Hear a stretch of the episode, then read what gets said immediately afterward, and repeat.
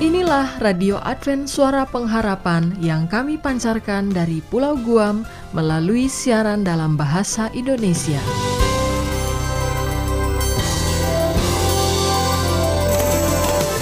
Salam sejahtera kepada saudara pendengar di mana pun Anda berada. Selamat berjumpa kembali dengan kami Radio Advent Suara Pengharapan. Dengan senang hati kami akan menemani Anda dan keluarga dengan rangkaian acara yang telah kami persiapkan bagi Anda sekeluarga dan harapan kami kiranya siaran ini dapat bermanfaat dan menjadi berkat bagi kita semua. Selamat mengikuti dan selamat mendengarkan. Tuhan memberkati.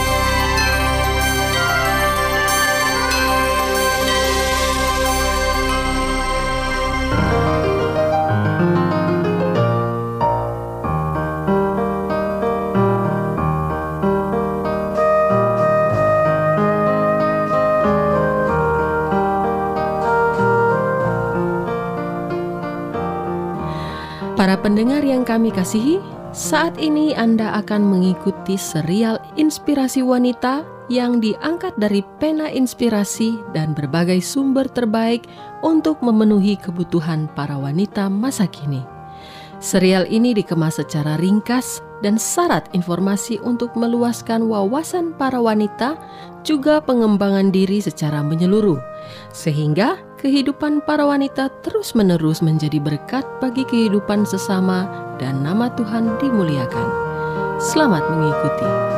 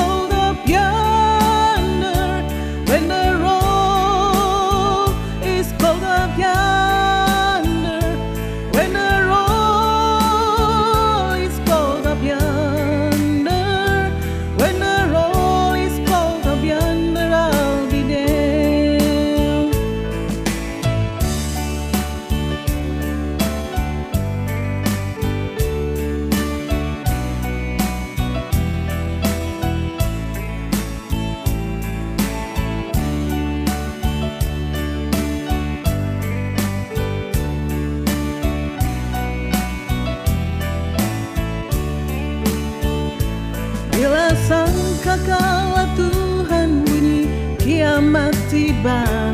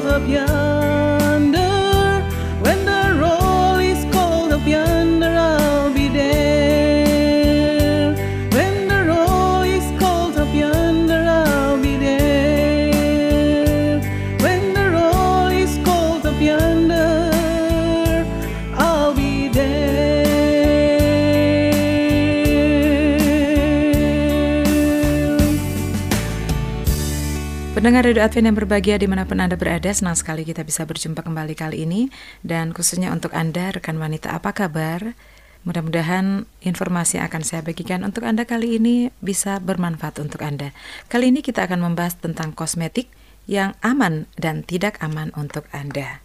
Nah, pendengar wanita, fungsi kosmetik sebenarnya untuk melindungi kulit dan mempercantik wajah. Tapi ada kalanya kosmetik justru membawa bencana pada kulit. Nah, apa yang harus kita perhatikan? Yang pertama, mengenal jenis kulit. Sebelum membeli kosmetik, kenali jenis kulit Anda terlebih dahulu. Karena sebagai konsumen, sudah seharusnya kita mengetahui terlebih dahulu jenis kulit kita. Apakah kulit kita kering atau berminyak, dan kosmetik mana yang kira-kira cocok untuk kulit kita. Yang kedua, kenali kandungan bahan yang ada dalam kosmetik tersebut. Sebagai konsumen, kita sebaiknya mengetahui bahan-bahan yang terkandung dalam kosmetik pilihan kita. Karena dengan mengetahui bahan-bahan tersebut, minimal kita bisa terhindar dari kerusakan kulit. Yang ketiga, tidak sering berganti merek. Sebaiknya tidak terlalu sering berganti merek kosmetik, terutama kosmetik dekoratif, karena selain boros akan berpengaruh terhadap kesehatan kulit. Setiap merek kosmetik mempunyai bahan-bahan yang diunggulkan. Misalnya merek A lebih banyak mengandung pelembab, sedangkan merek B lebih mengunggulkan mineralnya. Apabila kita menggunakannya secara bergantian, kemungkinan kulit akan terpengaruh, terutama bagi kulit yang sangat sensitif. Kalau kita ingin mengganti merek kosmetik, habiskan kosmetik lama terlebih dahulu, kecuali kosmetik tersebut mengganggu kenyamanan kulit kita. Kalau demikian, tidak ada jalan lain, kita harus hentikan pemakaiannya. Yang terakhir, mencatat batas waktu kadaluarsa. Setiap membeli kosmetik jangan lupa membaca masa kadaluarsanya, apalagi tidak tercantum pada kemasannya, tanyakan langsung kepada beauticiannya. Catat tanggal kadaluarsanya jika perlu, tempel label kecil di belakang kemasan kosmetik, sekedar mengingatkan kita batas akhir penggunaannya. Ciri-ciri kosmetik yang sudah kadaluarsa yaitu warnanya berubah keruh atau lebih muda, baunya lebih menyengat dan berjamur, Misalnya, timbul bintik-bintik putih di permukaan perona mata atau perona pipi. Apabila masih juga digunakan, maka kesehatan kulit akan terganggu. Perona mata yang sudah kadaluarsa misalnya akan menyebabkan iritasi pada mata. Sedangkan perona pipi yang sudah kadaluarsa akan mengakibatkan pipi terasa panas dan gatal. Bahan-bahan yang harus dihindari dalam kosmetik. Ada formaldehid, ya, yang merupakan bahan pengawet yang terdapat pada produk kecantikan yang digunakan untuk tubuh, kulit, dan rambut. Saat ini dapat memicu alergi, asma, sakit kepala, depresi, pusing, dan nyeri sendi. Hidantoin dan surfaktan seperti sodium lauryl sulfat dimungkinkan mengandung formaldehid. Kemudian ada sodium lauryl sulfat. Sekarang ini sering digunakan oleh pabrik sampo, kondisioner rambut, pasta gigi, beberapa produk pembersih. SLS ini merupakan zat sejenis deterjen keras yang dapat mengiritasi mata. Dampak yang lebih buruk menyebabkan kerusakan permanen pada mata anak, ruam kulit, kerontokan rambut, dan borok pada mulut. Kemudian ada tar batu bara. Biasanya digunakan sebagai bahan dasar untuk perawatan rambut kering dan sampo anti ketombe. Selanjutnya ada petrolatum, adalah campuran hidrokarbon yang biasa dikenal sebagai gel petroleum, minyak pelumas atau malam menghambat tubuh dalam mengeluarkan racun dan mengakibatkan kekeringan kulit, penuaan dini, timbulnya jerawat. Kemudian ada alkohol atau isoprofil. Banyak terdapat pada cat pewarna rambut, hand lotion, dan parfum. Dapat menyebabkan sakit kepala, depresi, dan mual. Selain itu, dapat menyebabkan kekeringan pada kulit yang memungkinkan bakteri tumbuh subur. Yang terakhir ada pewangi, yaitu semua substansi alami maupun sintetis yang semata-mata digunakan untuk memberi aroma pada produk-produk kosmetik.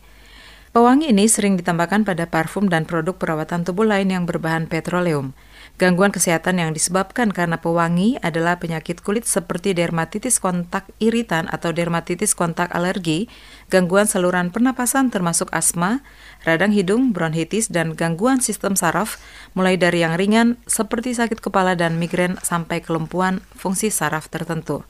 Dan rekan wanita, ada tips yang akan saya bagikan untuk Anda. Sebelum membeli kosmetik, baca labelnya dengan teliti yaitu bagian ingredients atau bahan. Selain itu baca pula aturan pakainya.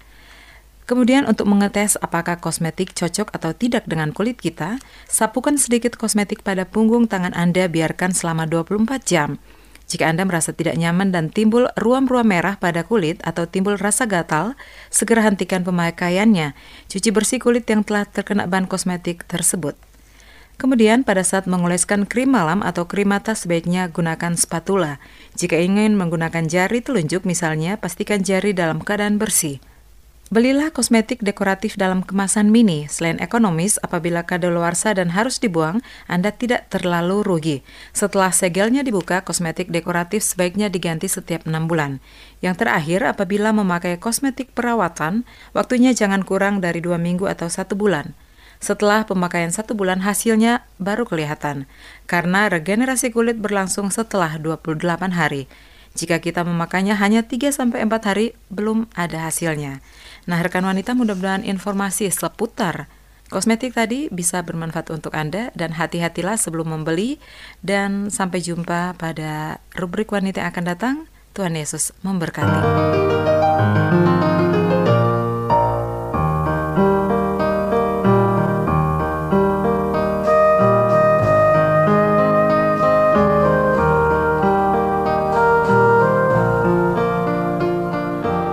Demikianlah saudara pendengar, khususnya kaum wanita yang sudah mendengarkan satu bahasan yang kita ikuti bersama yaitu Inspirasi Wanita. Kiranya yang baru saja Anda dengarkan dapat bermanfaat dan dapat dilakukan dalam kehidupan sehari-hari. Terima kasih atas perhatiannya dan pastikan Anda kaum wanita tetap bersama kami untuk mengikuti program Inspirasi Wanita selanjutnya.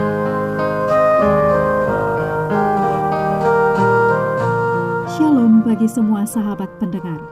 Kabar baik bahwa kisah dan kesaksian terkait siaran dan pelayanan AWR Indonesia kini dapat diikuti secara berkala, baik melalui siaran harian Radio Advent Suara Pengharapan setiap minggu kedua dan keempat, juga melalui YouTube dan Facebook AWR Indonesia. Terima kasih banyak untuk yang sudah menyampaikan dan masih terbuka bagi Anda semua untuk segera SMS atau telepon ke nomor AWR di 0821 1061 1595 atau di nomor 0816 1188 302 untuk WhatsApp dan Telegram. Kami tetap menunggu dukungan Anda.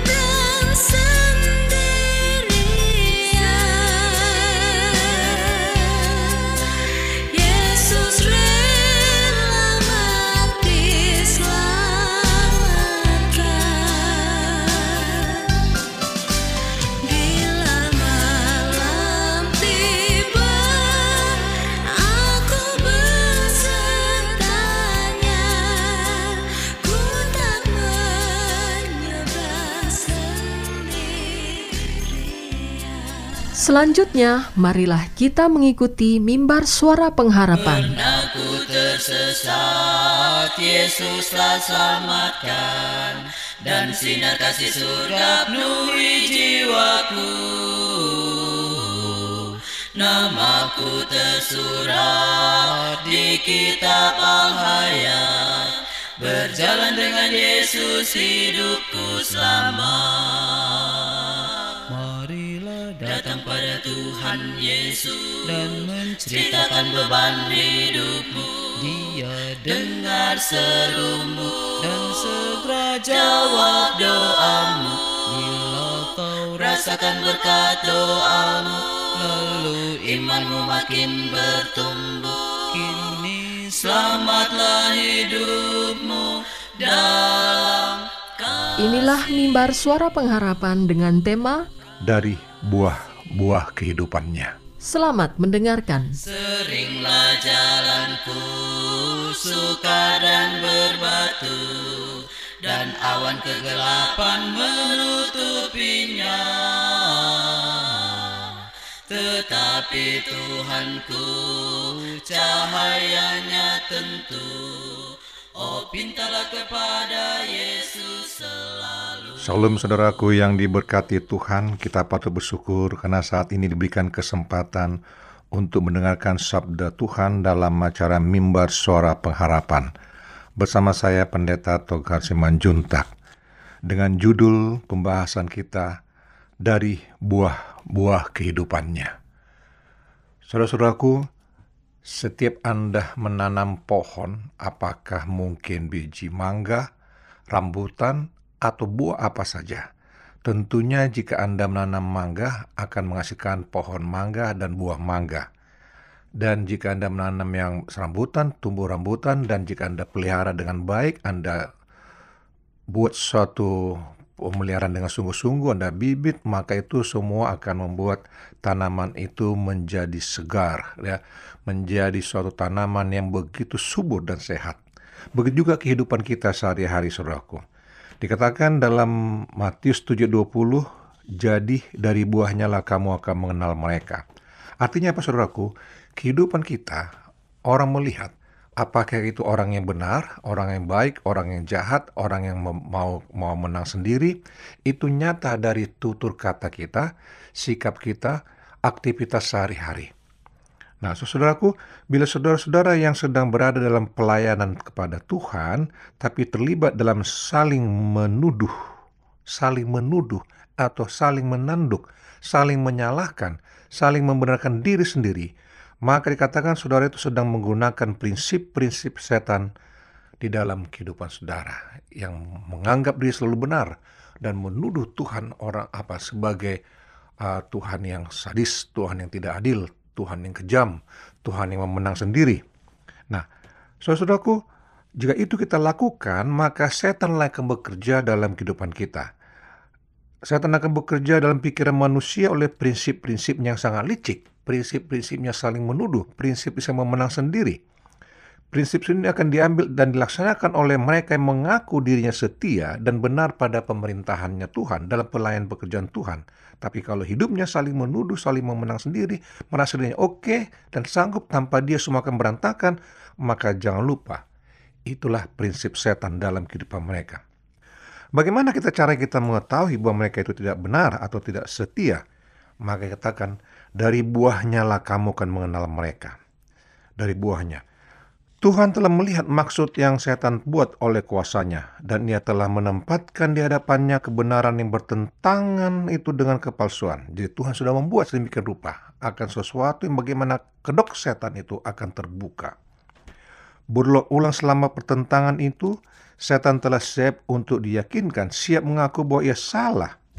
Namun mereka yang telah disesatkannya telah bersiap-siap untuk menuduh dan meninggalkan mereka juga apa yang dapat dia lakukan menyerah kepada Tuhan ataukah melakukan usaha penyesatannya?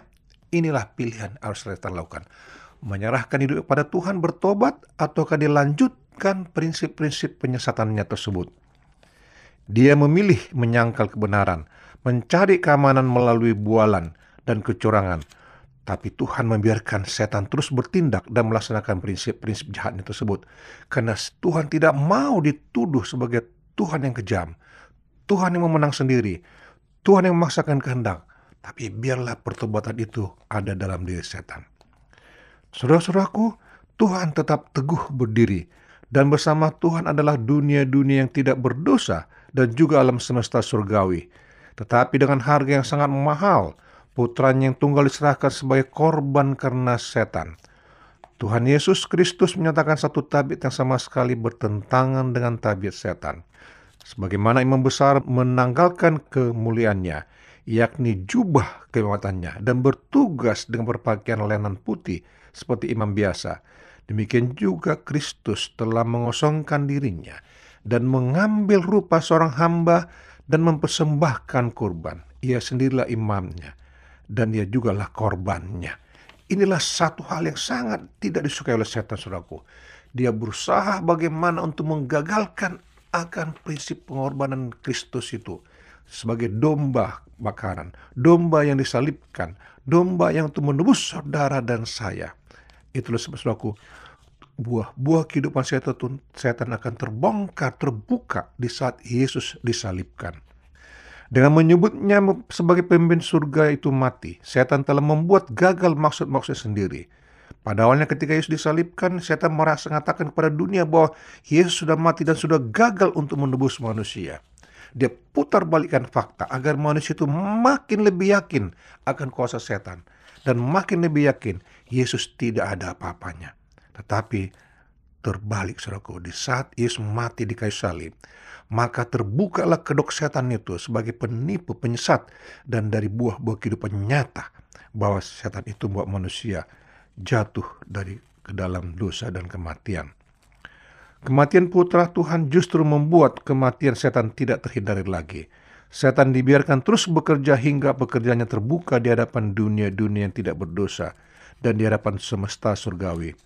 Oleh mencurahkan darah putra Tuhan, ia telah menyingkirkan dirinya dari simpati dan oleh semua sebagai seorang pendusta, pencuri, pembunuh, dan penghasut juga. Ya, membuat orang jadi dihasut supaya meninggalkan Tuhan. Itulah kerjaan setan dari kehidupan sehari-hari. Nyata dari kehidupannya. Tuhan melihat bahwa pola pekerjaan yang sama sekarang sedang diupayakan di dalam dunia. Pria dan wanita dituntun kepada sebuah tempat persimpangan jalan apakah benar atau salah. Pilihan yang Tuhan berikan itu supaya menyatakan bahwa manusia itu jika mau mengikut Tuhan, mendapatkan keselamatan, mendapatkan hidup kekal, mendapatkan kebahagiaan, maka itu adalah pilihannya. Bukan dia karena dipaksa, bukan karena didorong-dorong, bukan karena ditarik, tetapi pilihan manusia bahwa dia merasa bersama Tuhan dia akan mendapatkan keselamatan. Nah, saudaraku, jutaan orang berselubung dari dalam apa yang mereka anggap sebagai jubah semacam yang tidak dapat ditembus dan akhirnya memilih yang salah. Tuhan tidak memaksa siapa pun. Ia membiarkan setiap orang bebas memilih. Namun dia berkata, dari buahnya lah kamu akan mengenal mereka.